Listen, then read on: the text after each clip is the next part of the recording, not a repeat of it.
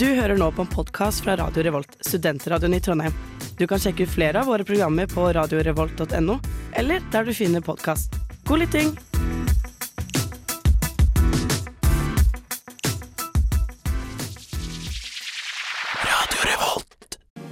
Stemningen er over 9000 i en helt ny episode av Nerdeprat, spillmagasinet på Radio Revolt.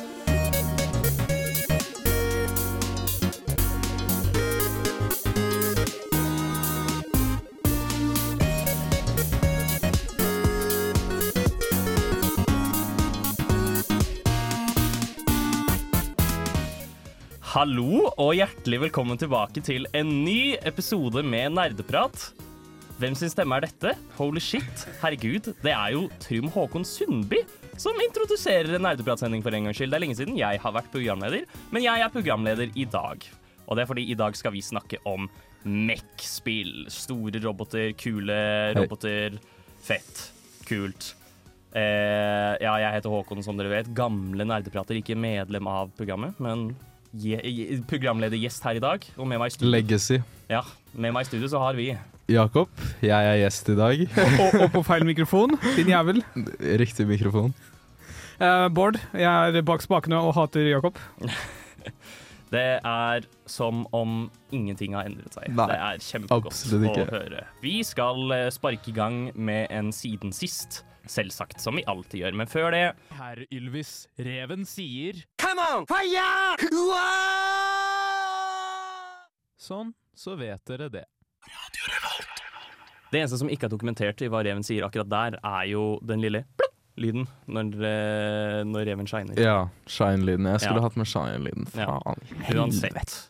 Eh, siden sist. Vi prater om hva vi har gjort og spilt og hva enn siden sist, og vi Ja. Starte med Jakob. Ja, jeg har spilt noen nye ting sist. Uh, jeg har lastet ned Phoenix Wright, så jeg har begynt å spille Phoenix Oi, Wright. oi, oi. Objection. Jeg, Nå skjønner jeg hvorfor folk spiller det spillet her. Det er utrolig satisfying Ja, når han sier objection.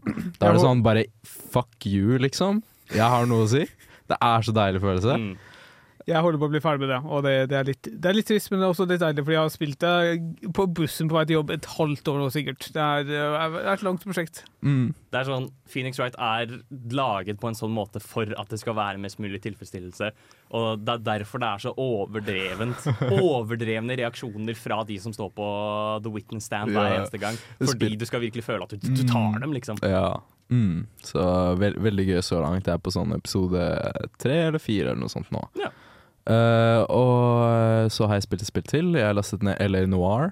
Oi. Fordi Bra spill. jeg måtte må spille spillet som kom med den legendariske memen Exed Out. Ja, så klart. Uh, Er det det du baserer eh, din spillkatalog på? Eller vil- hva- Bare hva- memes. Hvor stor meme-faktor Ja, det er ganske stor memefaktor i begge disse spillene, så det, ja, det kan godt være det. At uh, det er min underbevissthet tenker på memes når vi velger ut spillene. Nei, men jeg har hørt at Elinor er uh, veldig sånn spill for meg. Sånn uh, RPG, sånn uh, etterforsker, gjør uh, valg, svarer på spørsmål, gjør valg og uh, ja, dialogvalg. Veldig sånn uh, spill for meg, så det lastet jeg ned fordi det var på salg. Så nå har jeg spilt litt uh, Eleanor nå òg, men ikke Hva veldig mye. Hva syns du om det, da? Ja, det er litt sånn vanskelig å si hva jeg syns om det så langt, fordi uh, jeg, har sånn, jeg har spilt sånn legit en time. Jeg har rukket Ja, å spille okay. en time. Men eh, det, eh, lytteren får høre mer om det siden, helt sikkert. Jeg har plukket opp eh, Ish nylig, bare for å teste ut igjen, og det, det er litt datert, men det er jo for så vidt veldig bra. Det. Ja. Ja, kult. Det, det, det ser gammelt ut, men veldig mye av de spillsystemene er veldig godt gjennomført, og derfor fungerer det bra. Ja, jeg, jeg har ikke noe problem med grafikken, i hvert fall. Det er én ting som har hindret meg fra å spille det spillet, og det er at det er en sånn derre Du må logge deg inn på en eller annen kontoting. Eh, kunne Rockstar spille. Social, ja. Og jeg nekter sånt. Jeg hater det. Det er samme grunn til at jeg aldri har spilt Uno, eh, Ubisoft sin Uno. Fordi jeg gidder ikke det. Hvorfor skal du tvinge meg til å logge inn på noe sånt? Jeg trenger ikke flere kontoer og drit til liksom Ja, til spillselskapet jeg aldri i verden trenger en konto for. Måtte man ikke det med GTA 5 òg, eller tar jeg helt feil? Var det bare hvis du skulle spille online, da kanskje? Jeg tror det. Ja, jeg tror, jeg Du tror må du måtte det det, hvis du skulle spille online, i hvert fall. Så jeg har, jeg har vært gjennom den prosessen en gang før, så jeg tror ikke det blir så helt for jævlig denne gangen. Mm. Men eh, ja, vi får se, da. Ja. Nei, eh, godt å høre. Jeg kan ta ballen videre. Jeg, jeg har ikke spilt så mye i det siste. Fordi jeg har hatt eksamen, jeg er fortsatt student. Det er jeg også. Eh, ja, du er vel det, Bård. Hæ? Det er eh, Men eh, jeg har rukket å spille litt. Jeg kan fortelle om noe jeg spilte før uh, jeg tok eksamen. Jeg har spilt den nye DLC-en til Dredge. Ja. Um, uh. Som da Den koster 66 kroner og er ca. en time lang. Så jeg ville ikke anbefalt det, mindre du likte Dredge veldig, veldig godt. hva er matematikken der, da? Hvis man tenker på eh, krone per minutt? Jeg Det- pleier alltid å regne ut hvor mye verdi jeg får av et slikt produkt, ut ifra hvor mye en kinobillett hadde kostet til sammenligning. Ja, ikke sant. Um, for, fordi vi stusser ikke noe som helst over kinobillettprisene, Ja, men vi stusser veldig over videospillprisene. Um, men uh, uansett. Dredge DLC-en, så eh, tar du til et nytt område, som er typ en sånn glacier-isaktig område, hvor du også får vite mer historie om det forrige crewet som kom for å fiske før deg. ja. Um, Mm. Så hvis du syntes at bakhistorien til Dredge og bare liksom det generelle narrativet var veldig spennende, så vil jeg anbefale å sjekke DLC-en ut. Og hvis du syns at 66 kroner høres rimelig ut for én til tre timer content og en del nye fisker og mer story og alt det der, så ja, det, det var en fin liten ting. Ja. Koselig liten ting. Jeg er Jeg vet ikke om jeg ville anbefalt det å spille det videre, men hvis du liker det, så er det bra. Og jeg likte det, så Fy faen. Fy faen. Yumi, ass. Hva, hva faen er det som Å, fy Å, å fy faen!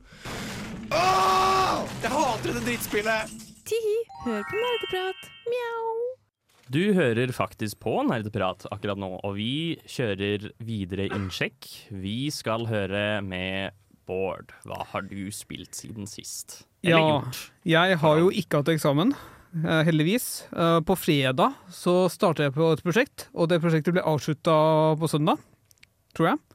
Prosjektet kalt God of War 2018. Ja, ikke sant? Jeg trodde jeg skulle si at du hadde spilt Minecraft. Lagde, Nei lagde en Jeg har faktisk gjenskapt The, the Starship Enterprise i Minecraft. Det er uh, veldig komplisert. Ja, ja, uansett. ja, du har spilt God of War. Ja, og jeg, jeg, jeg- jeg vet ikke helt hva jeg synes. Jeg har avinstallert det uten å egentlig fullføre nesten noe som helst sideinnhold. Uh, fant ut at det gadd jeg egentlig ikke å gjøre. Men historien var nokså bra.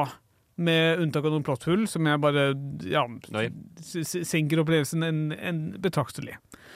Men jeg må også si at um, mye av det, at Hvis du ser bort fra historien og det narrativet, så er spillet helt OK, syns jeg. Ja. Altså, det er veldig lite variasjon. Uh, det, alle som har spilt det, har sikkert opplevd at alle bossene du uh, kjemper mot, er den samme tingen, bare kanskje med en annen farge og en annen mønster og sånne ting. Eh, og så er det sånn ish Altså rett før kanskje, kanskje en tredjedel inn i spillet, så skal du reise et sted. Og så kanskje to tredjedeler inn i spillet, så skal du reise tilbake til samme sted. Men da har du egentlig låst opp mulighet til å bare teleportere dit, men av en eller annen merkelig grunn så lar ikke spillet deg teleportere dit. Du må faktisk gjøre den Ja. reisen på nytt, og da sitter jeg og tenker for, du, du, du, det er viktig for narrativet, OK? Ja, ikke sant. Det er jo faktisk viktig for narrativet, når jeg tenker meg om, men allikevel, da, da kom den følelsen av det her har jeg gjort før, så utrolig tydelig fram, fordi det var liksom Ja. Jeg går samme stiene, nesten der. Du, du, du, du, tar noen andre stier fordi blokke, blokkering eller litt nytt innhold og sånne ting. Du kommer mot de samme bossene, og det ender opp samme sted. Ja. og det er bare sånn Hvorfor? Nei, det er vel en av de aller største klagene med det originale, eller God of War 2018. Da. Ja. Um, at uh, halvparten av bossene er bare den samme trollfienden som du har Mm. kjempet mot tusen ganger før. Yep. Og det er veldig kjedelig. Det Ja. er jeg er enig i veldig kjedelig. Og det er på en måte sånn Jeg også syns det er litt irriterende at der, fo- folk driver liksom ja, det, det er unødvendig mye RPG-elementer i, i det nye God of War 2018, syns jeg. Um, og combaten er liksom det, det, det, det føles ut som en, hva skal man si, Uh, neutered uh, hack and slash. Ja, fordi det er en annen, annen ting jeg har å si mot spillet, er at altså, kampsystemet fungerer nokså bra, men det er først kanskje sånn to tredjedeler litt etter det inn, hvor du faktisk får noe som helst variasjon i Ja, Det er kampsystemet. nettopp det. Og det, det er bare sånn og, og det verste er jo at når du låser opp det, så merker jeg bare at det her er jo mye bedre. Hvorfor, jeg, Ja. hvorfor jeg har vært låst i den jævla dritten i liksom mesteparten av spillet fram til nå? Ja. Det er, det er sånn eh, jeg, likte jo, jeg likte jo begge spillene veldig veldig godt. Mm. Og jeg likte også combaten, men poenget er bare at jeg ser hva du mener, og at det er Spillet har åpenbart problemer. Ja. Eh, Karakterene er veldig godt skrevet, men jeg satt jo veldig mange ganger og bare hata sønnen min fordi han er en jævla grine... Altså, han klager så mye og gjør så mye Han er jo en liten unge som gir mening, men jeg som liksom prøver å ha fremgang i spillet og liksom prøver å gjøre, altså, prøver å gjøre ting riktig, og så kommer han bare og ødelegger ting eller klager på alt mulig rart. Jeg håper noen tar den ut av Det sånn- kontekst at Bård hater sønnen sin. Det er jo sånn det er å være far, er det ikke? Det er bra erfaring, tror jeg. Bård. Ja, det er vel det. Men altså, som sagt, jeg, karakteren er godt skrevet. Jeg, jeg, jeg, det var jo åpenbart meningen at jeg skulle mislike hvor udugelig sønnen min kunne være til tider, men jeg syns jo han var veldig udugelig til tider. Ja. Det er fordi du skal, du skal føle, relatere med Kratos og så alt det der. Mm. Ikke sant? Men altså, eh, du likte det? Ja, Har du lyst til å spille Ragnarok? kanskje. Ja. Men jeg, jeg, det jeg, sånn, jeg, jeg likte det fordi det var, men jeg skulle gjerne likt at det også var bedre. Ja. Det er vel kanskje det det er. Det, jeg, skjønner, jeg skjønner det godt. Nerdenytt.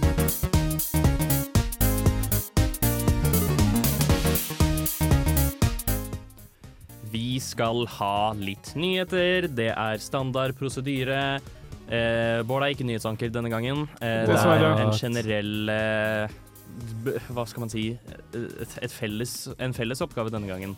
Ja. Eh, og det er fordi det har ikke skjedd en dritt. Det har genuint skjedd Det, det har jo ekstremt lite. skjedd en veldig stor ting, Ja, som hele internett snakker om, tror Jeg, jeg. jeg vet ikke om det ikke har skjedd en dritt eller ikke, for jeg har ikke undersøkt Nei. noen ting akkurat Ja, nå. men det er altså Det er én veldig åpenbar ting da som har skjedd, og det Mm. er at eh, GTA 6-traileren har endelig kommet ut. Ja, og dette er ikke en prank, den har faktisk kommet denne gangen. den ble vel faktisk til og med lekket først, og så um, kom de i etterkant og bare sa ja, her er den. Ja, det, det stemmer. Den ble lekket litt før. Eh, stakkars, de, det går jo faen ikke an å gjøre noen som helst med, i Rockstar uten at det blir lekket. I hvert fall ikke Ja. i forhold til GTA 6. Nei. I hvert fall ikke GTA 6. Ja, så det er leit. Men nå er traileren endelig offisielt kommet ut. Um, og det tar sted i Florida.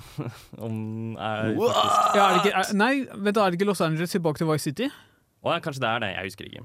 Jeg, Nei, jeg, jeg, jeg leser en nyhetsartikkel om det, og da er jeg ganske Jeg- sikker på at det sto tilbake til Vice City. Jeg har hørt rykter om at det var Vice, Vice City, men jeg visste ikke helt sikkert. Så kan det jo godt hende at Florida er et nytt sted, liksom. Ja, nei, fordi jeg bare så eh, no, en gjenskapelse av masse forskjellige Florida-hendelser på GTA Engine, så jeg antok at det var en del av traileren. Men da er det sikkert Vice City. Nei, men, Um, men altså, det, jeg, jeg leser noen kommentarer nå, og det virker som at det er litt inspirasjon fra Florida, men at det fortsatt skal foregå i Vice City. Ja, ikke sant? Så, Men Vice City er Los Angeles. Ja, det er en av det er, Jeg husker ikke om det er Los Angeles, Angeles eller San Francisco, men det er en av de det burde jo være Los Santos, som er GTA Ja, 5, ikke er ved Los Angeles. Ja, for det var det som var spørsmålet mitt. Hvis Vice City var Los Angeles, hva er da det som var i GTA 5? Da er det sikkert San Francisco, Da da. er det San Det er Francisco. nok San Francisco. Vi har funnet Uansett. løsningen. Eh, ja, På det det. er eh, Dere kan se traileren selv, men eh, jeg, jeg må nevne det, da. At en av de spillbare karakterene er en kvinne denne gangen. Å nei, å jævlig. Hvordan skal Ja, hvordan skal reagere? det gå, da? Og det er faktisk overraskende ganske bra. Eh, I Ja, hvert fall ut ifra Twitter-diskursen med alle Twitter Blue-incellene som eh, alltid skal tvitre der. Så har det faktisk vært veldig lite eh, irritert woke gamer-aggresjon om, om det. Så det er, jeg syns det er positivt. Veldig, veldig fint å vite at der, eh, det faktisk ble tatt godt imot. Jeg trodde at folk kom til å klikke over det her. Ja, samtidig så tenker jeg sånn at øh, Jeg føler det er så øh, Jeg føler ikke det er noe problem jeg føler, jeg føler ikke det er en av de største liksom tingene en sånn incel-person ville klagd på. Liksom en badass-jente i- som en av hovedpersonene i et sånt gangsterspill, liksom. Men øh, ja, det er bra det ikke var noe, da. Heldigvis. Ja, Mm. Men det skjer ofte. Er vel egentlig Ja, det skjer ofte, ja. Ja. Vi, vi, vi burde kanskje nevne at uh, da, året er satt til 20, eller altså, året det kommer ut er 2025. Jepp, det stemmer. Altså ikke over, over et år til. Over et år til. Men det var vel egentlig forventet. Jeg syns fortsatt det er gøy da at Ja. der, uh, Elder Scrolls 6 ble annonsert Ja. lenge før GTA 6 ble, og det er fortsatt ikke kommet noe som helst av det. Det kommer til å komme ut senere.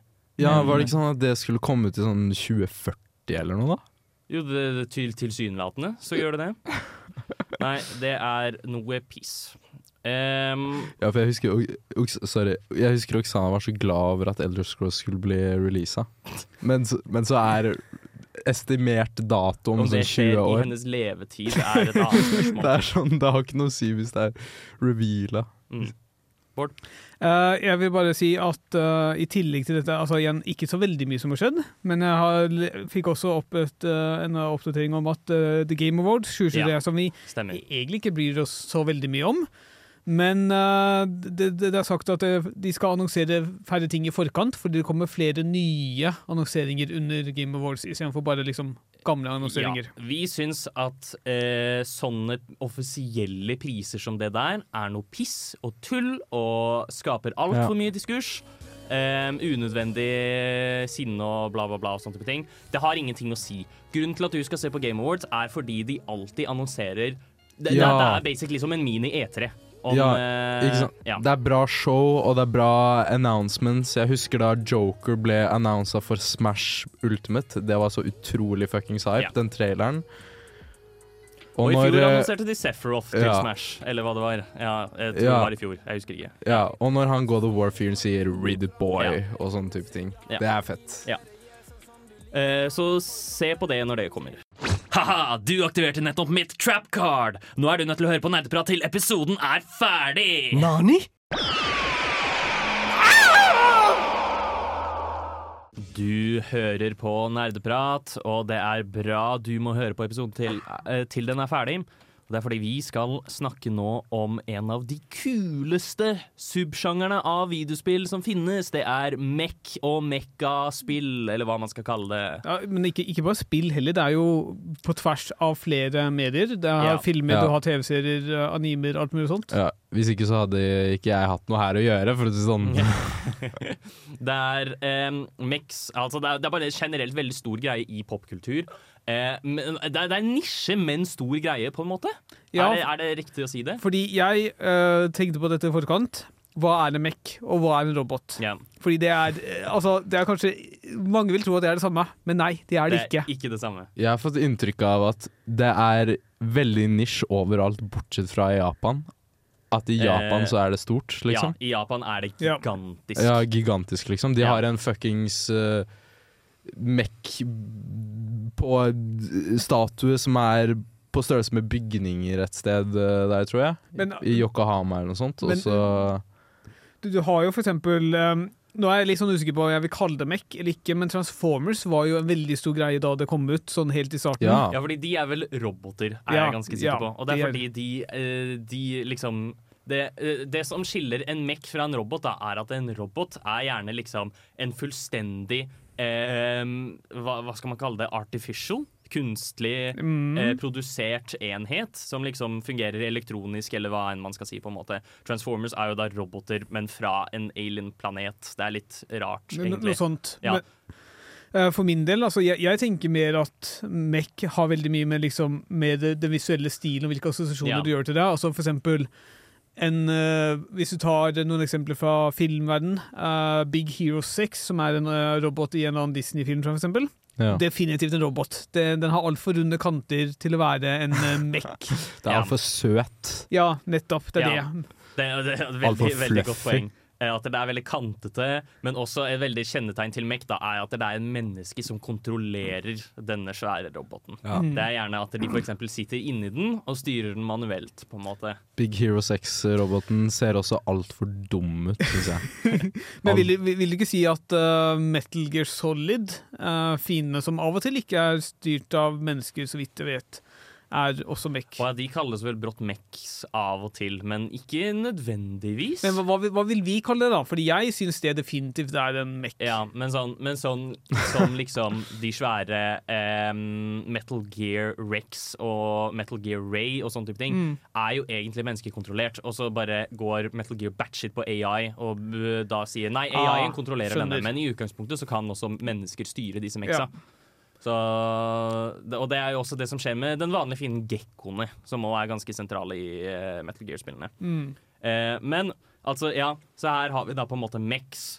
Ehm, det er gjerne store roboter som ofte styres av mennesker ehm, og lignende. Og innenfor videospill da, så er eh, Mange vil kalle dette en subklasse av spill, ettersom at det kan gå innenfor flere liksom, områder. Hvor du har, liksom, du har actionspill, du har taktikkspill og du har uh, RTS-spill som alle går, liksom, har et stort fokus på Mex og lignende. Men uh, de spillene som kjører på en måte, og da særlig i hovedsak Mech-action-spillene, kjører et sånn slags rigid uh, skjema på hvordan de strukturerer spillene sine, og hva som er gameplay-loopen, at jeg nesten vil kalle det en egen sjanger. Ja. Ehm, det, det har nok kjennetegn til at det kan klassifiseres som en egen ting, fordi det er, ing- det er veldig få andre spill som spilles som et MEC-spill gjør.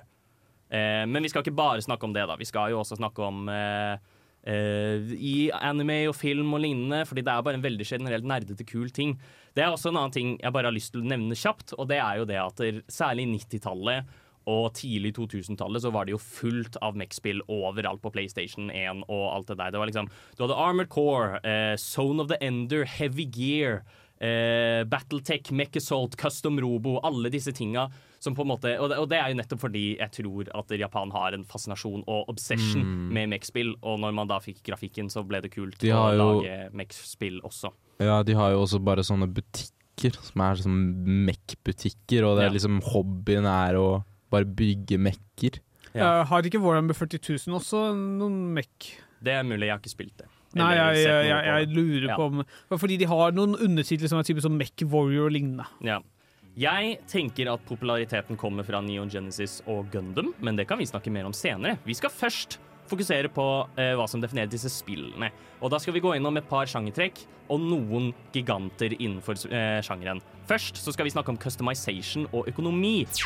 Hey, tusen takk, Mike Litores, for eh, tre måneder sub til Nerdeprat. Det var big poggers av deg.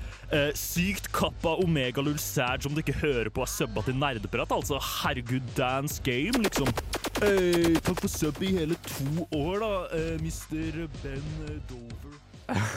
Du hører på Nerdprat. Vi skal snakke om Mex, og nå går vi inn på hva som eller hva jeg ville definert som sjangertrekkene til eh, de ulike MEC-spillene. Mm. Som nevnt før låt, så skal vi starte med customization og økonomi. Um, og det er fordi en veldig stor og sentral del av Mech-spill er nettopp dette med muligheten til at du kan bytte ut eh, enten hele Mex eller deler av Mech-en din, basert på hva slags scenario eller oppdrag du skal ut på.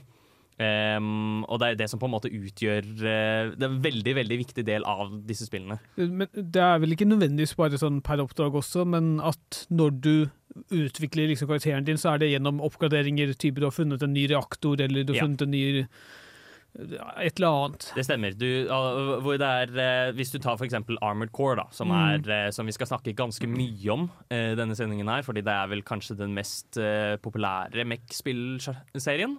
Av Eh, videospill, i hvert fall.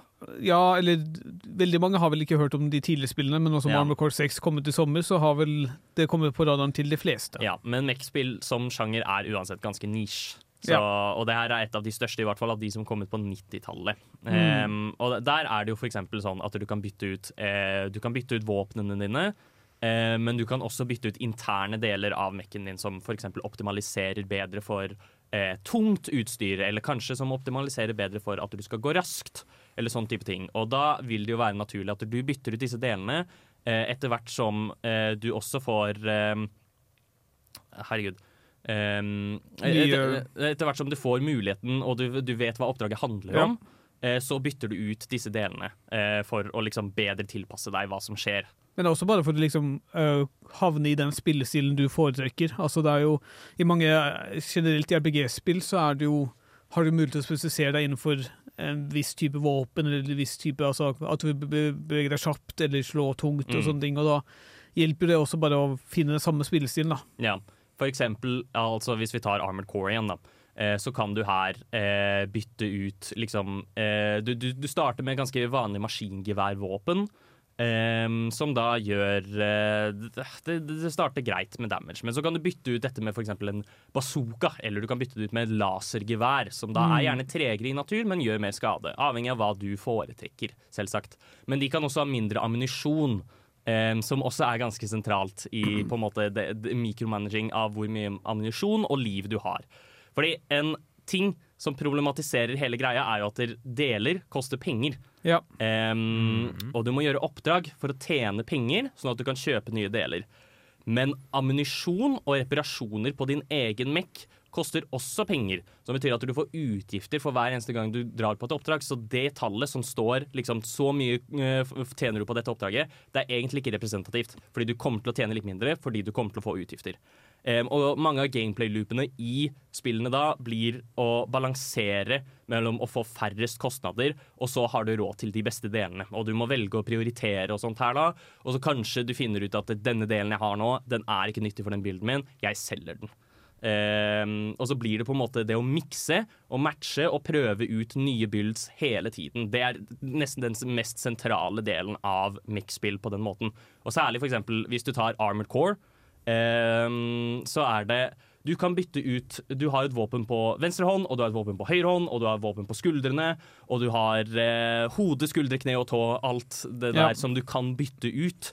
Eh, og så tar du, hvis du tar et annet spill som Mech Assault, som da fokuserer mer på liksom det at du skal være en stor fyr som bare løper rundt og skyter alt. Der kan du ikke bytte ut enkeltdeler, men det er fortsatt et utgiftssystem, og du kan få tak i hele Mex, som da gjør forskjellige ting, de også, på en måte. Og jeg tror også i det spillet så kan du bytte ut piloter, som da også har egne egenskaper og lignende. Um, så det Ja. Eh, vi skal eh, gå videre. Det er, eh, det, det, er på en måte den største delen. Vi skal prate mer om customization og slikt underveis. Men det er viktig å gjøre rede for ja, det som et ganske tydelig sjangertrekk da, i Mech-spill. Nå skal vi høre Høvding med Trond Kallevåg. Året er 2345, og vi her i Nerdeprat Labs har gjennom makeløs ny teknologi klart å gjenskape lyden av en ekte Reddit-bruker. Hør her. Eh, uff da. Ja ja. Nå skal vi gå videre til å snakke litt om de ulike måtene MEC-spill gjerne fremstiller eh, hvordan det er å spille MEC-en Da. da tenker jeg jeg skal spørre først. Um, hvordan tenker dere at en MEC skal føle?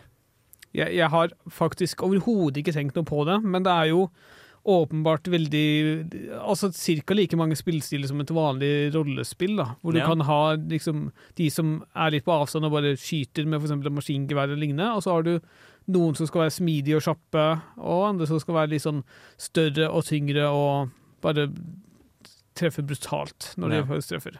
Hva tenker du, Jakob? Uh, jeg er jo enig i mye av det Bård sier, selvfølgelig.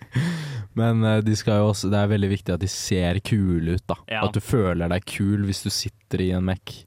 Ja, fordi, Eh, du føler deg liksom mektig, da. Mm. Eh, på hvilken som helst måte. Eller på de, alle de forskjellige måtene som Bård sa, da, vil jeg si. En ting jeg kom på litt tidligere i dag, er en veldig ikonisk Mac for meg. Eller for når jeg tenker på Mac, så, jeg, så kommer bare bildet av Big Daddy fra Bioshock Ja. opp. Det er et eksempel på liksom en Big veldig, Daddy. Veldig uh, hva skal jeg si, sterk mech som bare i hvert fall i starten av spillet så unngår du det som pesten. Du, Ja. du kan ikke møte en sånn. Og for de som ikke vet, det er en, et menneskelignende ting. vet ikke. Du, du ser bare en stor rustning uh, med litt sånn runde former, og sånt, og så har den en drill på den ene armen, og så har den et eller annet våpen oh, på den andre armen. Drill på armen til Mac-en. Det er noe ekstra Ja. badass med det. Ditt Altså, første jeg må bare si det. Big Daddy er jo at han driller i hjel en fyr. Ja. Og det er ganske flott. Og, eller ganske fælt å se, og derfor ganske flott. Det blir litt sånn ekstra gore. Men eh, om vi går tilbake til eh, når, når jeg sier feel, altså hvordan den skal føles ut, så mener jeg liksom hvordan skal mekken bevege seg? Fordi de er jo massive skapninger, eller ja, ting, Ja. da. Og da er det sånn eh, Skal de bevege seg zip-zap eh, rundt omkring med masse boosters og sånn type ting, eller skal de føles tunge ut? Skal de trampe i hjel bygninger og sånn type ting? Eller hva Ja, det, det spørs, tror jeg, men om de er superraske eller supertrege, så syns jeg de skal liksom Du skal føle at du sitter i noe mekanisk, da, på en måte. Ja. Du, det skal riste, liksom. Ja, det er rett og slett fordi altså, noen ganger så må du jo være raske bare for å kunne liksom fung eller, altså, ha en funksjon på den måten, men det må likevel føles som at det her er en maskin. Dette her har litt, øh, kanskje litt øh, treghet eller lignende. da. Ja. Mm. ja, for det er jo en åpenbar grunn til at jeg stiller dette spørsmålet her, og det er jo fordi øh, MEC vi, vi pleier å dele sånne action mech-spill inn i to kategorier. Em, og, og, og jeg har kalt disse Stompy og High Speed. Og den aller første Mm. vi skal snakke om, er Stompy. Nettopp det at eh, det, det, er, det er mer en mech-simulator enn noe annet. Enn at det skal være en action-packed eh, adrenalin-spektakel-rush. Så er det mer det at du blir plassert inn i en mekk. Den er stor og tung, og den går jævla tregt, men du tramper i hjel alt som står foran deg. Kanskje du også blaster ting på avstand, på en måte. Um, da, disse spillene er da gjerne på en måte uh, de, de- skal gi deg en slags power fantasy av at du bare eh, er denne ustoppelige tingen som bare går og tramper over absolutt alt. Ja. Eh, men da også veldig treg, da, fordi du er så jævla svær. Det, det bygger på illusjonen av at du, du kontrollerer en tung, gigantisk robotmekk. Mm. Eh, og disse har da gjerne også større fokus på eh, long range combat. Eh, hvor du skyter med missiler og lasere og alt sånn type ting. Og at du skal sn snipe eh, bla, bla, bla. Ja, akkurat sånn som Dødsstjernen. Akkurat sånn som Dødsstjernen. Ehm, og da er det enkelte spill som vi kan kategorisere som under Stompy Mex. Først av alt så er det de aller første Armored Core-spillene.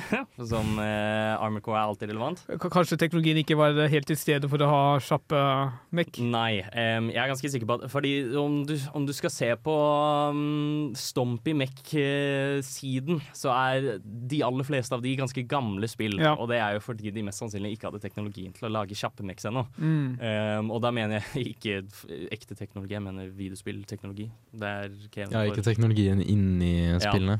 Eller kanskje bare ikke hadde tenkt så langt, at de ikke innså liksom den ny, altså, tilfredsstillelsen av å ha en kjapp mekk. Ja. Men i hvert fall, um, i klassisk Armor Core så uh, kontrolleres jo denne mekken uh, du, du kan booste og sånt, men ikke Mm. veldig lenge. Ja. Og det, det bruker energi på generatoren din og sånne type ting. Og da må det bare Men i utgangspunktet så skal det gå veldig tungt rundt og blæste alt som står foran deg. Mm. Og så har du andre spill som Mech Assault, som også da gjerne setter deg liksom i en by, hvor du også bare skal liksom eh, det, det, det er litt likt Armored Core, bare at det kontrolleres ikke like clunky. Eh, hvor du, du, du har en uh, mech med gjerne to gunnere på hver sin side, og som du blaster med og hopper rundt med og bla, bla, bla. Og så har du spill som eh, Heavy Gear og Mech Warrior Living Legends, som da har førsteperson. Eh, hvor du da får, får liksom en sånn mech HUD og sånn type. Hvor du, du blir satt, det, det settes i perspektiv at du sitter inni mekken. Og da òg, særlig Mech Warrior Living Legends, mekken er treg. Den er skikkelig treg, liksom. Og her kommer da også simulator. Eh, Ja, da blir det skikkelig simulator. Det var det jeg først tenkte på, men det hadde vært kanskje litt for vanskelig for de spillene på 90-tallet. Ja. Det med denne første personen. det, vet ikke. The, Heavy Gear var et av de spillene som kom til PC1, som da hadde førsteperson. Det får deg til å bytte mellom første og tredjeperson. Um, og det fungerer sånn halvveis greit, men i utgangspunktet så er det jo på en måte tredjepersonvinkelen som er best. Men om det er én vinkel som virkelig skal Hvis du skal ha en simulatorfølelse, da, hvis du skal føles ut som at du er en gigantisk mekk som ødelegger alt, så er jo det beste perspektivet du kan settes i, er i pilotsetet. Så er, jeg syns det er litt rart at flere ikke har gått den veien. Eh, men til ettertanke, kan man jo si, da. Ehm, det er en annen type Mech-spill også, og de kaller jeg high speed Mech. Fy faen, for en uh, flow, ass. Den biten her slapper, ass. Jeg skal ikke lyve. Shit, ass, dette må jo være nerdeprat. Nerdeprat er jævla freshe, bare av, generelt, egentlig. Swag. Ehm, og vi snakker fortsatt om Mech-spill. Vi skal gå innom den andre kategorien av Mech-spill, som da er high speed Mechs. Kan, jeg komme med en liten anekdote? Ja. Uh, fordi jeg relativt nylig så plukket jeg jo opp Metal Gear eh, Revengeance. Ja.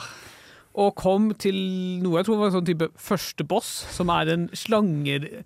En halvt sl den har en slangehale eller skorpionhale eller Det et eller annet. er Metal Gear Ray, som da er uh, basically den, den nye Metal Gear Rex i Metal Gear Solid 2.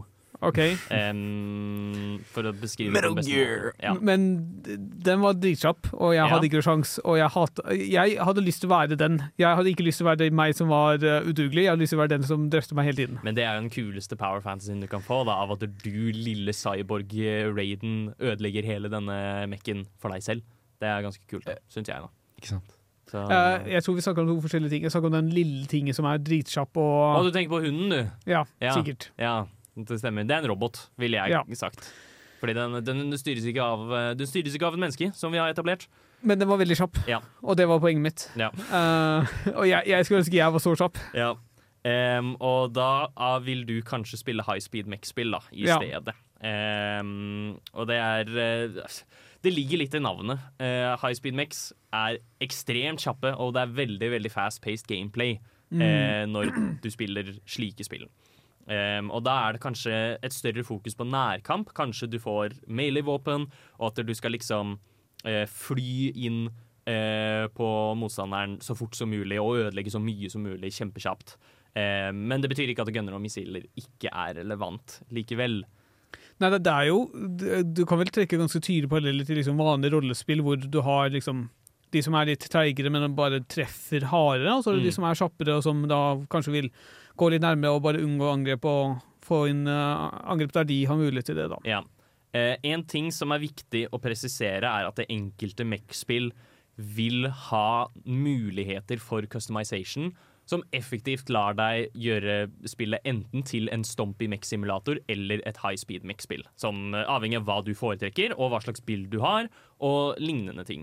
Men spilldesignet vil jo gjerne altså Kanskje variere litt, men altså en bestemt kamp vil jo ha et fokus på enten så må du være kjapp til å unngå angrepene veldig Ja. mye, eller så er det kanskje ja, altså hvordan det det slåss mot angriper, og hvordan liksom banedesignet rundt det, Ja. har jo veldig mye å si. Ja, det er jo nettopp det. Men også sånn ah, hvis du ser på liksom eh, sjang eh, Hvis man deler inn sjangerbestemt, så er det også veldig vanlig at f.eks. et high speed eh, mech-spill kun tillater at du lager deg high speed mech-spill Ja. fordi spillet er sentrert rundt at du skal fly overalt, og du skal fuckings ødelegge ting, på en måte. Mm. At du skal sippe rundt, og du skal slå der, og så skal du skyte fem missiler der, og så skal du bare fly til neste.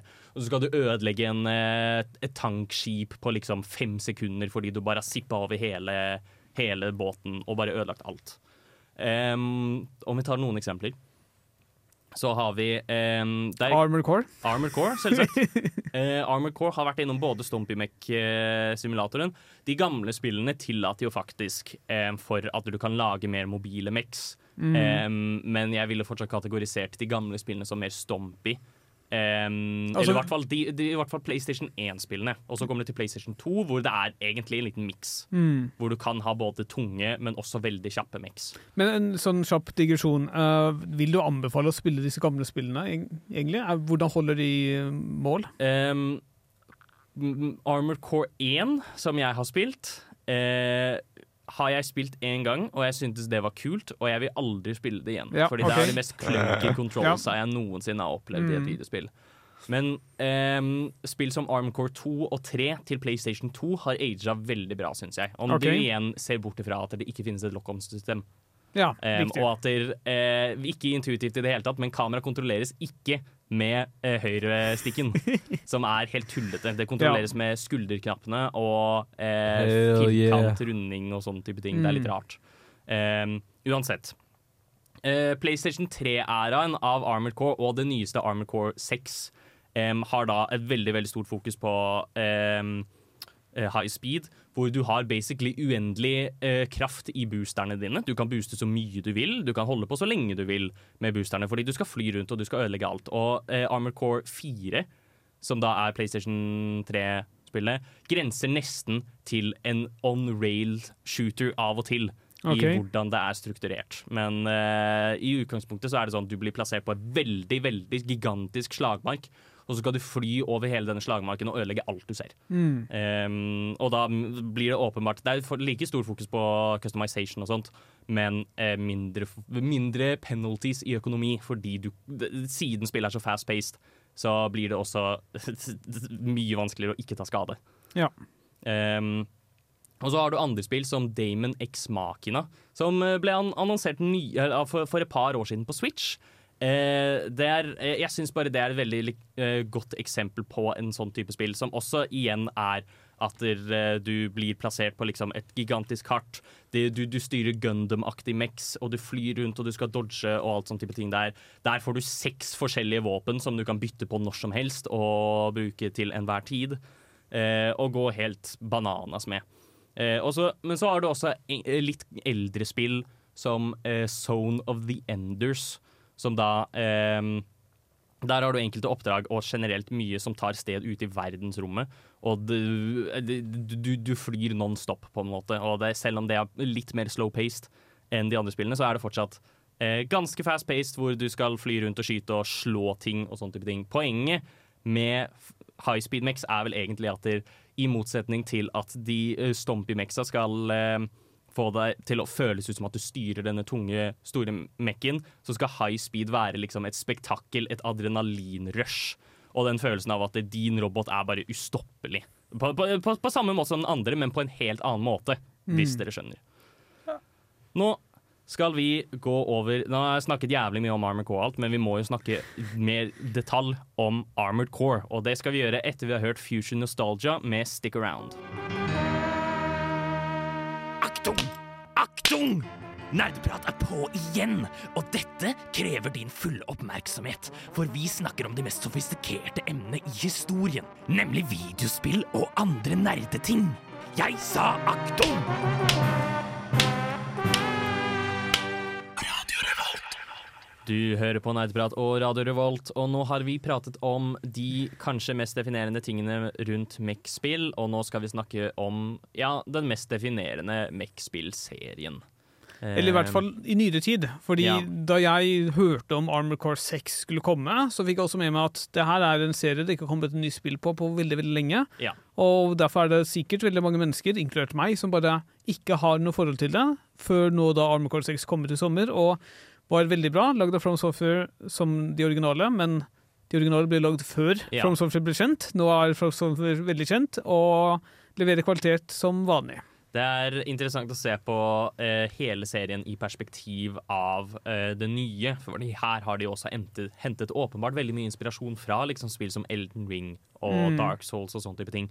I hvordan de liksom kjører progresjon og bare ehm, ja, hvordan eh, bosskamper går og litt sånn andre gameplay mechanics og sånt. da. Men eh, først av alt, det er artig at du nevner From Software, fordi From Software før de traff gull med Dark Souls, så bare lagde de masse skitt, liksom. Og de lagde den rareste skitten i verden. De har et annet Mech-spill som heter Metal Wolf Chaos, der du spiller presidenten av USA som må beseire visepresidenten av USA fordi han har blitt ond. Ja. Og, det, og det er et helt spill. Um, Nuff said. ja. Um, som de slapp ut på midten av 2000-tallet, eller hva det var. Men uansett um, De er også da De fikk vel sitt uh, gjennombrudd. Uh, de, de pumpet ut kanskje sånn åtte Åtte spill i året, eller noe sånn type ting. Det var helt latterlig nummer. Og de aller fleste av de var Armored Core-spill. Mm. Um, og da om Grunnen til at det særlig Armored Core har blitt så populært og stort, er jo fordi altså, det er så mange spill i den serien. Um, og de går innom på en måte både Stompy og High Speed Mix. Som da um, Altså Fra og med de moderne spillene så er de jo nesten bare på high speed. Men du kan fortsatt Men de eldre spillene er, har muligheter til Stompy og sånne type ting. Mm. Men også at eh, det, det er et par ting da som gjør Armored Core-serien så mye kulere enn alle andre Mech-spill, er én det er en enorm mulighet for customization. Det er allerede sagt at det er en generell ting i Mech-spill, men her er det større enn noen gang. Fordi du har liksom sånn eh, Ja, du kan ha et våpen på venstre hånd, og du kan ha et våpen på høyre hånd, og du kan ha et våpen på venstre skulder, og du kan ha et våpen på høyre skulder. Um, og da, eh, det er så utrolig mange våpen å velge mellom av de. Det er sånn kanskje 20-50 våpen eh, for hver eneste skulderdel og hånddel og alt sånn type ting der. Eh, som lar deg kombinere og klikke helt med hva slags våpen og mekk du skal lage.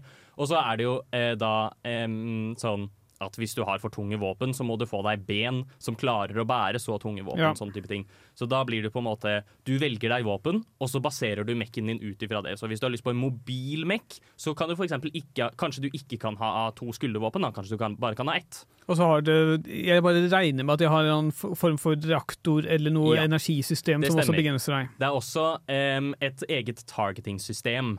Em, som er på en måte hvor godt sikte får mekken din når du skyter med våpen. Og Altså det må øynene. også, ja, og det må også endres på. Så det er liksom sånn, Du kan endre til at du eh, får ha bedre sikte når du er på nært hold. Eller du kan endre til at du har bedre sikte når du er på avstand. Mm. Sånn at du kan lage en avstandsmekk eller en nærholdmekk.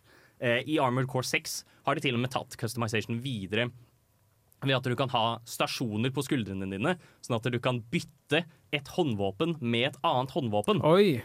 Som da Det. er, det, det går helt crazy i hvor mye bildvariasjon du kan gjøre. Um, en annen ting er at spillet har, spillene har ganske kul eh, historie sånn generelt, og går veldig mye inn på på en måte morbid, ekkel, mercenary kapitalisme-drit. Det er sånn, Et av de aller første oppdragene du gjør i Armor Core 1, er at du får beskjed om at der, her er det noen folk som er på streik. Send en beskjed, drep dem. Og det er sånn eh, Og jeg har aldri følt meg så scummy før i hele mitt liv. Eh, så, så det er sånn eh, i, I motsetning til alle andre spill da som skal på en måte eh, gi deg en power fantasy av at du ødelegger ting, så går Armor Core av og til og er sånn Er du sikker på at dette er så kult? Mm. Og det syns jeg er veldig kult. Ja. Um, og, og det er flere sånne oppdrag, og særlig også Armor Core 6 har da flere oppdrag som uh, involverer at du på en måte Det det er to store konkur konkurrenter, og du tar liksom begge sider jevnlig. Hvor liksom ene gjør kanskje sånn Å, du gjør et oppdrag for å gjøre klart dette, og så er det andre oppdraget eh, Saboter det. Ja. sånn type ting. Den aller siste tingen, her er absolutt siste tingen jeg skal nevne om Armor Core, er at eh, du finner andre piloter i spillet som du også skal slåss mot, som har sine egne armored cores. Det er et ganske komplekst eh, duell combat-system, eh, og har da et område som kalles arena, som kun er fokusert for at du skal slåss mot en annen mech. Det er en duell. Eh, og det er det kuleste fuckings tingen i verden. Det er uten tvil den beste delen og det morsomste jeg har hatt med noen mech-spill noen gang, tror jeg. Det er en superbra serie. Jeg anbefaler alle å sjekke den ut. Det er en grunn til at dette er liksom definisjonen av mech-spill for veldig mange. Nå skal vi høre Michelle Ullestad med Mozell før vi går over til mech-spill som ikke er helt mech-spill som vi har definert det, men som likevel mech er sentrale. Arne? Arne! Å ja, der er du, Arne. Neimen, sitter du her og drikker databrus og hører på nerdeprat? Nå har vi snakket i dybden om det ja, jeg vil kalle mech-sjangeren. Eh, eller subklasse av videospill eller noe sånt. Men det er jo også veldig mange mech-spill som da ikke er mech-spill på den måten vi har definert det akkurat nå. Som ikke har liksom kaste customization og økonomi ut av vinduet eller hva enn det er. Men mechs er likevel en veldig stor del av hvordan man spiller spillene. De skal vi prate om nå. Og da er det jo en veldig åpenbar uh, vi må starte med, som er uh, Altså, det var vel veldig elsket, men ikke veldig stort. Så vidt jeg husker. I hvert fall ikke Titanfall 2.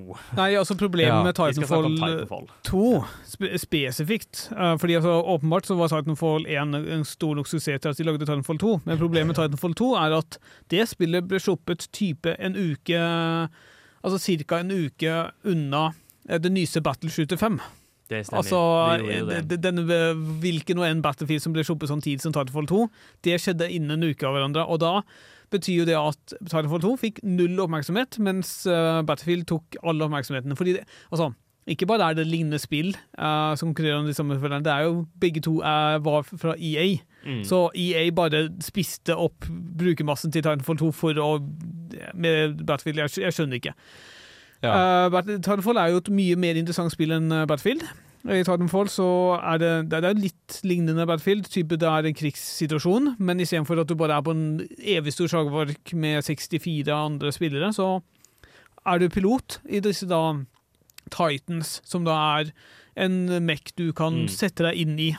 Så da kaller ned eh, Du kaller ned fra lufta, det er da Titanfall, når den faller Ja. ned, og så kan du da bare eh, gjøre parkour for å komme deg til den, og så er du inn og skyter Ja. eller flammekaster eller Og- sånne ting. Og hvordan var det man fikk Titanfall?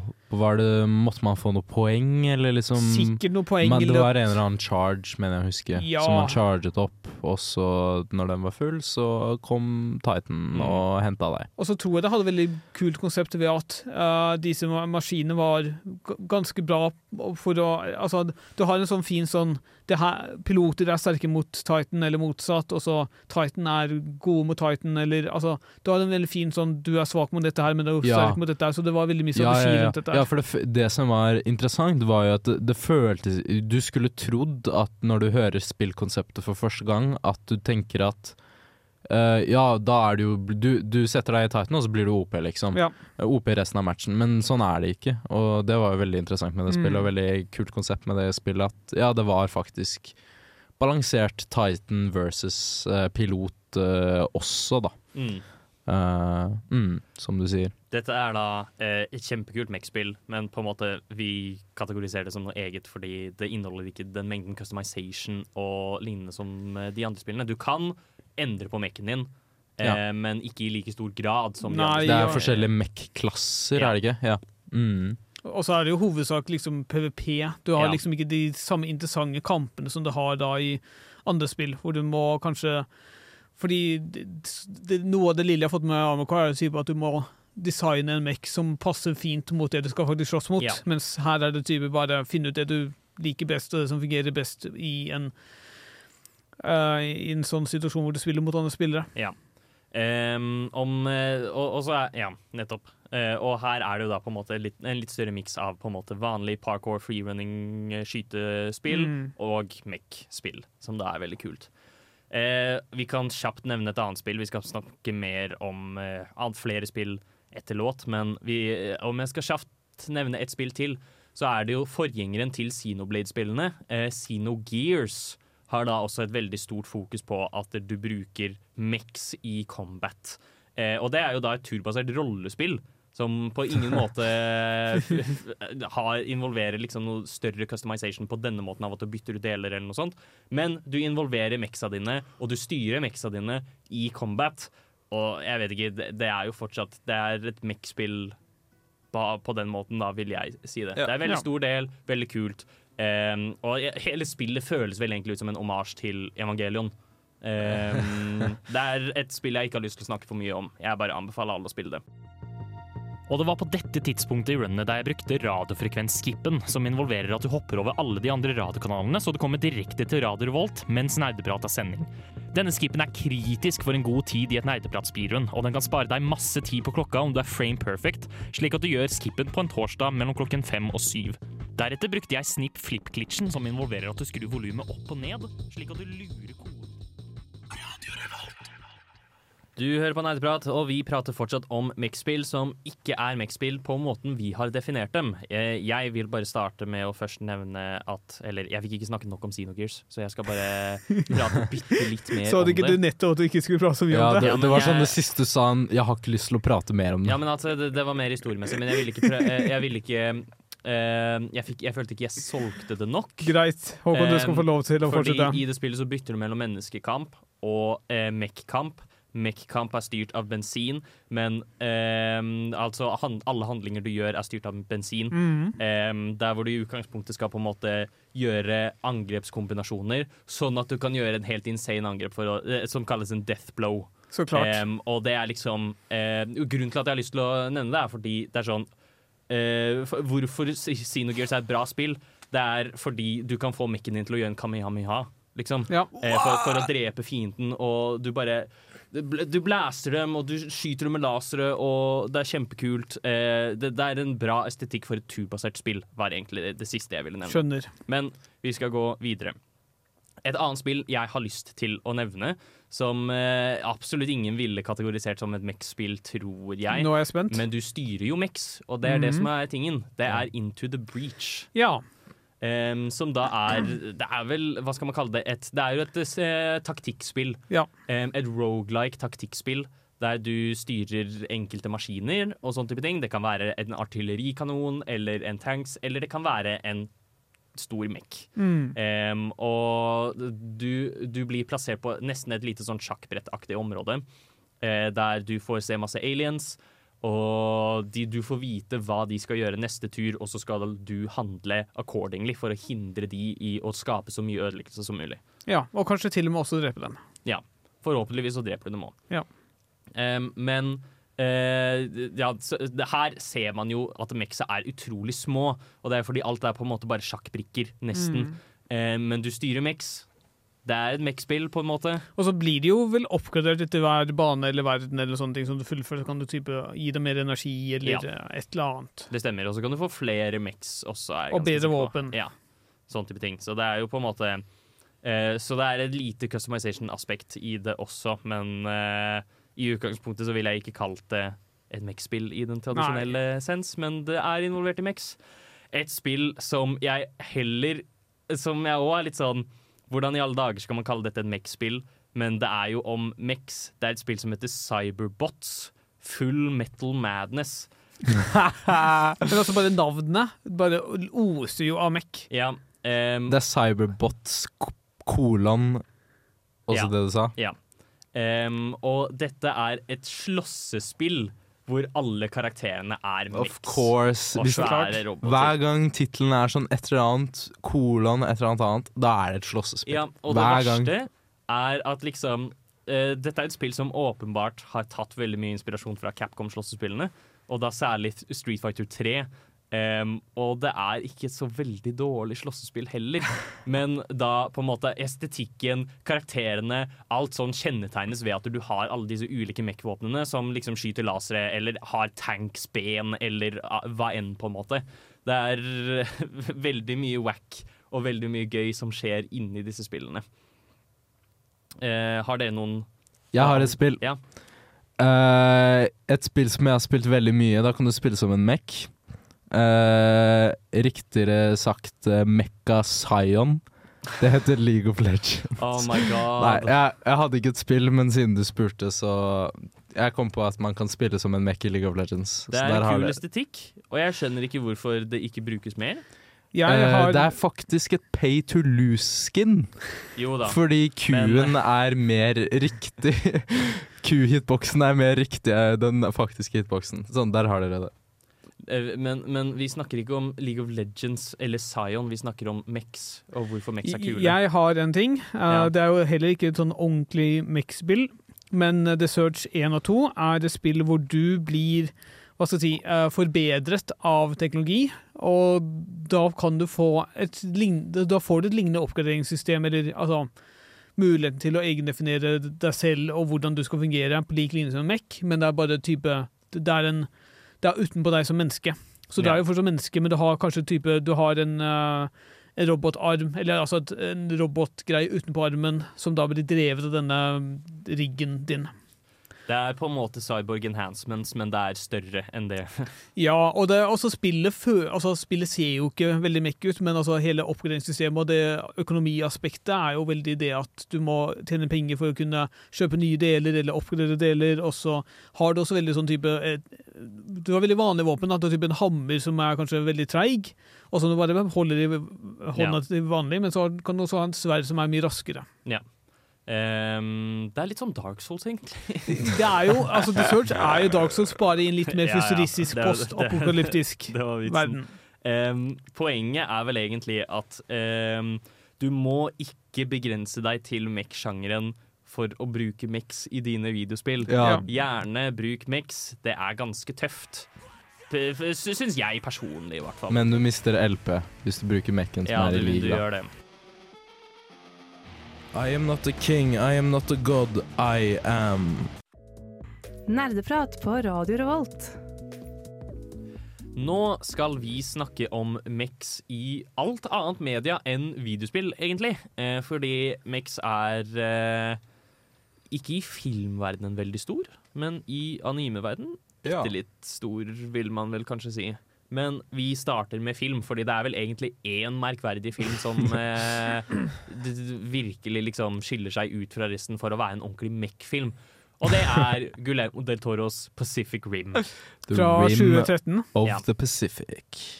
Det er fra 2013, um, og da er Altså, det er en veldig dum og enkel handling. Eh, det er en rift i vannet utenfor Japan, eller hva det var. Jeg husker ikke. Em, som uh, det, det kommer kaijuer opp av. Og vi har laget store roboter som to personer må kontrollere samtidig. Fordi de må paires, hjernen deres må synkes. Og så skal de, uh, uh, og så skal de jobbe som ett for å beseire disse. Ja, er det ikke sånn at de kontrollerer hver halv, en Jo. halvdel hver fordi å kontrollere hele hadde vært for mye eller noe sånt? Ja, noe sånt. Det hadde vært for belastende på hjernen. Ja. Men jeg, altså, eh, Det er litt teit, men jeg liker det også som et plot device, fordi det gir igjen inntrykk av at disse mexa er powerful, på en måte. Mm. At det krever mye å kontrollere de. Og det er jo også en ting som er veldig altså det, er- Handlingen er jo egentlig bare en unnskyldning til at du skal se store roboter slåss mot store monstre. Eh, og det er ganske gøy og fantastisk. Og hvis du ser bort ifra liksom hvor dum handlingen er og alt det der. Så eh, som en avid eh, monsterfilmelsker, så syns jeg at actionscenen er gjort veldig bra. Og skalaen er virkelig liksom, i hvert fall i noen av de kampene i midten, er så fantastisk bra. Hvor det er liksom et, Mitt favoritteksempel er når eh, de plukker opp et lasteskip, liksom eh, faktisk fysisk cargo lasteskip, og så bruker de det som balltre for å slå til det ene monsteret. Ja. Da, da er du stor. ja, da er du jævla svær. Det gir et veldig stort inntrykk på skala. Og det, sånn syns jeg er viktig hvis du skal se på en film eller spille et spill. eller noe sånt. Mm. At eh, Hvis du skal være stor, så vil jeg at spillet skal vise meg hvor stor jeg er. Og, eller, eller, eller filmen skal vise meg, vise meg hvor stor de er. Og det er en kjempebra måte å illustrere det på. Men eh, annet enn det det, er ikke, det var jo ikke en veldig ja, en stor film. Det var en stor nok film til å få en oppfølger som sugde balle. Jeg, jeg, jeg, jeg tenkte på det nå nettopp, bare fikk den oppfølger, fikk den ikke noen Ja, oppfølger? den er jeg- ikke bra i det hele tatt. Nei. Finnes det Um, Pacific Rim 2? Ja, det gjør den. Den har jeg ikke sett. Um, det går fint. Det, du går ikke glipp av noe som helst. Men den første Pacific Rim er da veldig kul fordi uh, det er store roboter. Og det er store roboter som slåss mot store monstre, og det ser vi ikke så ofte i film. Så Nei. det er litt nice. Men det ser vi ganske ofte i anime. Ja. Eller i hvert fall ofte nok, og særlig blant de største, eller en av de største. Uh, Neon Genesis Evangelion. Ja. The Classic. Jeg vet egentlig Eh, ikke hva det handler om, annet enn at det er det er nå har jeg glemt egentlig litt hva det handler om. Det Jakob, du hadde én oppgave. Eh, Ja. Uh, det er en anime fra slutten av 90-tallet. Uh, og du Jeg tror det er sånn at, eh, Det er jo du, Hovedpersonen er Shinji. Og det er et eller annet med han og et eller annet med de andre som styrer disse meksene, som gjør at de kan styre disse meksene. De er liksom kompatible på en eller annen måte. Så disse meksene er delvis biologiske, tror jeg. Eh, de er ikke fullt mekaniske. De er De er kanskje fra en annen verden eller, eller et eller annet noe sånt. Jeg, jeg er litt usikker, egentlig. Ja. Eh, men eh, ja, utrolig lenge, lenge siden jeg har sett denne animen. Men eh, jeg digget den, og jeg, det gjorde at jeg kanskje hadde lyst til å begynne å se uh, den andre gigantiske Eller denne serien her er vel ikke gigantisk, men den gigantiske serien som er veldig stor i Japan, som heter Gundam. Ja. Uh, Det finnes vel en egen statue et eller ja, annet sted en egen statue Gundam- eh, som er på størrelse med en skyskraper, nesten. Ja. Eller en stor bygning, i hvert fall. Um, det er jo en kjempestor serie i Japan, men den har ikke slått an i Vesten, har jeg fått inntrykk av. Og det er Eh, litt sånn rart, fordi det er jo på en måte veldig mye av den samme tinga. Av liksom Folk styrer store roboter. Det, det, det er det um, denne sendingen her kan brytes ned til, er store roboter go brr, og hjernen min blir glad. For, fordi det er, så, det er så gøy og tilfredsstillende å se store roboter denge løs. Mm. Eh, en grunn til at du vil spille spillene, er kanskje fordi eh, det er eh, eh, Da får du oppleve det selv. Um, mens en grunn til at du kanskje vil se filmen, eller eh, da se animen, eller eh, noe sånn type ting, er fordi da er det kult Det er, det er kult å se det liksom på skalaen og spektaklet, og at det er mye smoothere, mest sannsynlig. Enn- ja. ja. En annen anime som jeg digger, som har mex i seg, er Full Metal Panic! Utropstegn. Uh, Ja. handler om bare at eh, en sånn eh, undercover eller sånn derre secret Secret state of the art technology militær militær institution Militær. bruk- militær Militære institutions bruker disse mekkene til å bekjempe terrorister. Rett og slett. Det er ikke noe mer komplisert enn det, men så er det en cute anime girl de også må beskytte. Det trengs ikke mer. Det er kult Det å se store roboter slåss. Og cute anime girls. Ja, eller Ja. Du, det, det er to, to ting du trenger for å lage et plott. OK, men vi skal Ekstra, ekstra! Ekstra, ekstra! Kom og hør de nyeste anbefalingene til nerdeprat! Ekstra, ekstra! Avslutningsvis så kjører vi noen kjappe anbefalinger. Dette er Nerdeprats anbefalinger. Vi skal bare anbefale hvert vårt eh, spill eller film eller serie eller hva enn som er.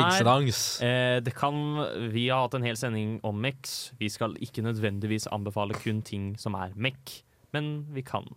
Er det noen som har lyst til å starte? Jeg kan starte. Ja. Uh, to dager siden så begynte jeg å spille Hollow Night, muligens for eh, den halvannen gangen eller noe sånt. Jeg vet ikke. Uh, veldig bra spill. Anbefales til alle som liker Metroidvania. Mitt uh, personlige favorittspill Ja, ved siden av Bloodborne. Wow. Jeg tror det er, det er de to som er the contestants. Nå fikk jeg enda mer lyst til å spille Hollow Ja. Night. Ja, det, det burde du. Uh, skal jeg gi en anbefaling? Ja, du kan, Det må du du gjerne gjøre, Jakob. Jeg anbefaler brodder til deg som bor i Trondheim nå, i hvert fall. Uh, fordi jeg skled på isen, falt rett på min rygg, på min sekk, på, på min ryggsekk, og ødela min uh, Remarkable, som jeg skulle hadde nettopp tenkt til å begynne å bruke i eksamensperioden for å skrive ned masse medisinbegreper. Jeg går ikke medisin, men jeg har et medisinemne akkurat nå. Så jeg hadde bruk for den. Jeg skulle selge den rett etter eksamensperioden, så det er sånn ekstra surt. Ja, så koster den vel sånn 3000 Den koster altfor mye. Den koster sånn 4000 eller noe sånt. Ja. Eh, mer enn det Bård sa. Og, og, og du må kjøpe pennen separat! Så jeg får solgt pennen, da. Men uh, det, er, det er ikke mer Ja. enn det. For den er skjermen er fullstendig herpa på den ene siden. Ja. Gøy. Jeg kan ta en siste kjapp anbefaling, um, og da tar jeg Jeg tar Mech igjen, jeg. Um, Så klart. Ja, fordi uh, vi, vi snakket ganske i dybden om Armored Core. Mm. Ikke så veldig i dybden om det nyeste Armored Core 6. um, som da kom ut i august. Som uh, jeg har fått platinum på. Platinum-trofé. Fordi jeg likte det veldig godt. Det er veldig kult, og det er på en måte det, det, det, det tar det beste og det verste. Det, tar det beste fra Mech-spill som vi kjenner dem. Eh, både fra Stompy og High Speed, på en måte, og gjør det til en veldig kul blanding av eh, et actionspill som da også liksom Det, minner veldig om liksom Dark Souls i gameplay loop og alt det der, og det er veldig bra.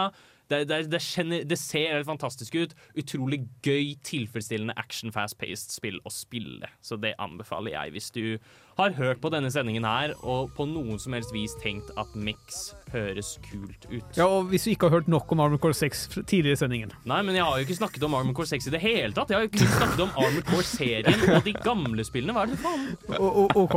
Oh, du gjør meg sint, Bård. Vi må høre en låt. Du hører faktisk på eh, nerdeprat. Um, Game er gøy. Det var altså alt vi rakk for i dag. Vi har snakket ekstremt mye om uh, Mech-spill. Ekstremt mye om Armored Core. Ja, men ikke sex. Uh, nei, vi har ikke det.